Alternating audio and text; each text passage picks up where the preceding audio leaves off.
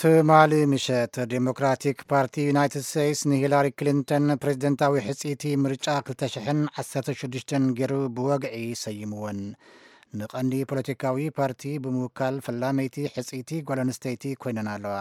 ሪቻርድ ግሪን ዝለኣኾ ጸብጻብ ገብረ ገብረ መድህን ከቕርቦ እዩ። ሂላሪ ክሊንተን ናብ ዋይት ሃውስ ንምእታው ንዝገብርኦ ጉዕዞ ተነሓናሒኤን ዝነበሩ ሴኔተር በርኒ ሳንደርስ ብወግዒ ደጊፎምወን ኣለዉ።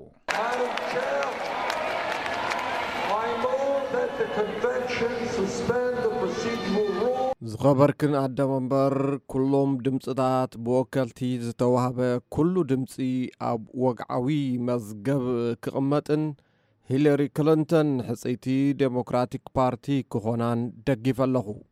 ሳንደርስ ደገፍቶም ንሂላሪ ክሊንተን ክድግፉ ዘቕረብዎ ጻውዒት ገሊኦም ኣይተቐበልዎን። በዓል ቤተን ናይ ቀደም ናይ ዩናይትድ ስቴትስ ፕሬዚዳንት ቢል ክሊንተን ሂላሪ ንስራሕቲ ናይ ሕጊ ጥብቅና፣ ሴነተርን ሚኒስተር ጉዳያት ወጻኢ ዩናይትድ ስቴትስን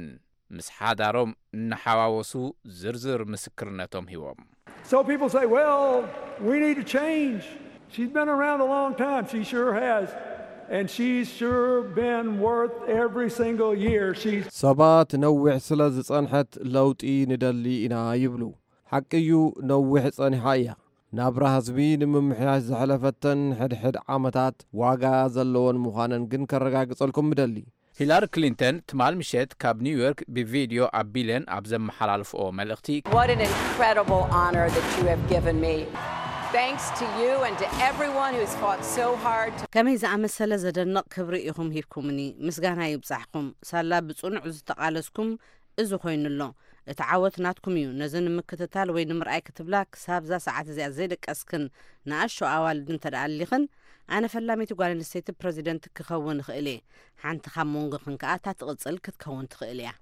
ሂላሪ ክሊንተን ፕሬዚዳንታዊ ሕጽይቲ ምዃነን ብወግዒ ናይ ምቕባል መደረ ብምስማዕ ንሃገራዊ ዋዕላ ዴሞክራት ጽባሕ ሓሙስ ክዓጽወኦ እየን።